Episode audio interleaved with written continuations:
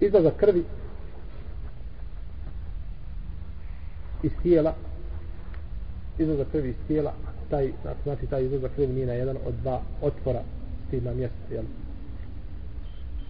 bilo znači da izlazi stilnog mjesta ili da izlazi znači iz analnog otvora ispravno je od islamskih učenjaka da takva stvar ne kvari abdest i to je mišljenje imama Šafije i Malika dok kaže imame Buhanife rahimahullahu ta'ala da to kvari abdest i to je poznato mišljenje u Hanbelijskoj pravnoj školi ako je količina abdesta već, ova količina iz, krvi koja izlazi velika. Znači ako krv izlazi u većoj količini onda kvari u manjoj količini ne kvari tako dalje iako ovo mišljenje razdvaja između manje i veće količine krvi nema argumenta nema posebnog argumenta za to.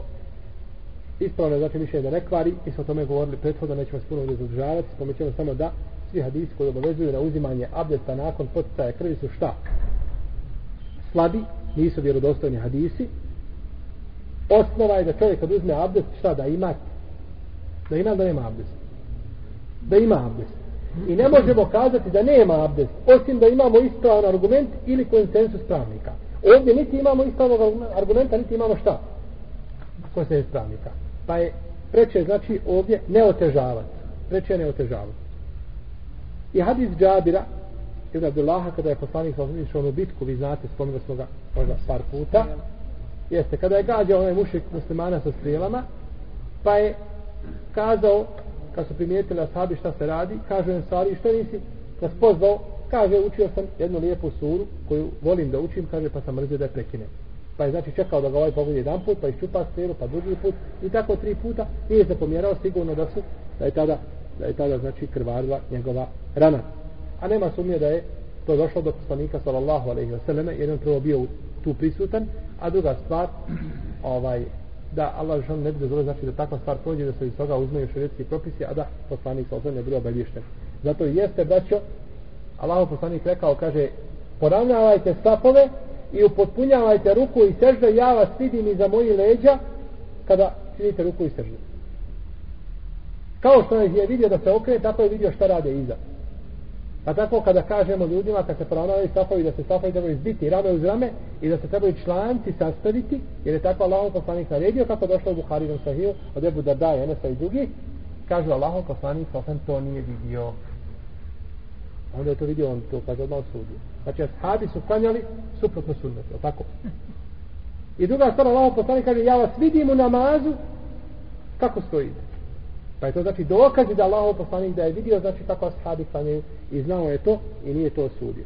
Tako znači ovdje da ovaj ashab kada je krv bocala, on je klanjao i nije znači niko rekao da je šta pokvaren abdest na takav način.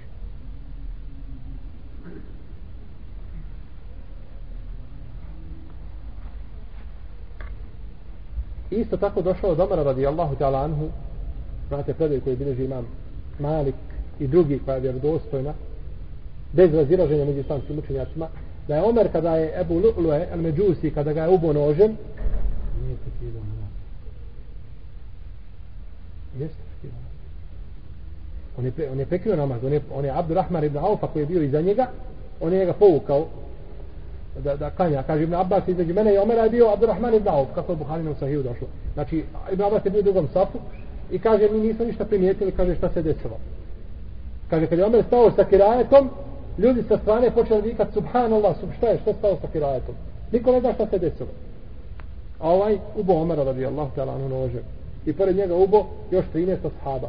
I sedam je umrlo od toga. E, tako došlo Buharijom sahib. Stavio nož u, u otro. I samo dok te dotakne, gotovo je.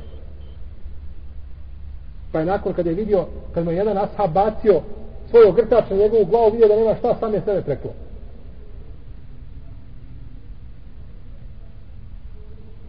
U svakom slučaju Omar radijallahu ta'ala anu je tu prekinuo namaz i dovršio je namaz Abdurrahman ibn Auf kako je došao Buharijom sahih sa kratkim surama.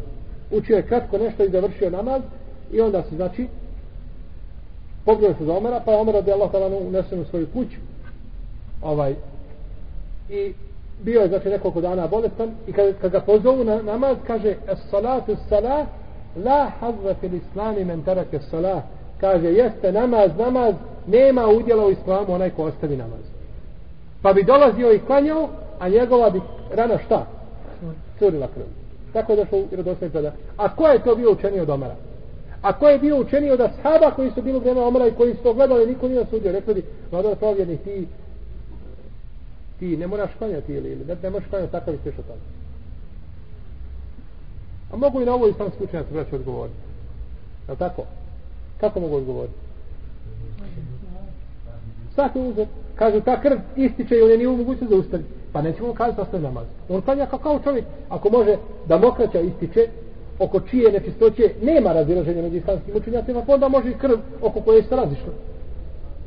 Je tako? Iako razišlo se, znači u kasnim generacijama, dok prve generacije govorili smo konsensus pravnika, navali smo kod desetak učenjaka, koji navode konsensus, tako da je krv nečista. Sjećate li? To zaboravili. Kaže, nije to bilo davno. U svakom slučaju, Imam Bukharija bilježi još tome sahihu sa ispravnim lancem prenoslata da je Hasan al-Basri govorio, kaže, ma zavali muslimune usamnune pi džerahi, džerahatihim. Kaže, muslimane od uvijek klanjaju svojim ranama.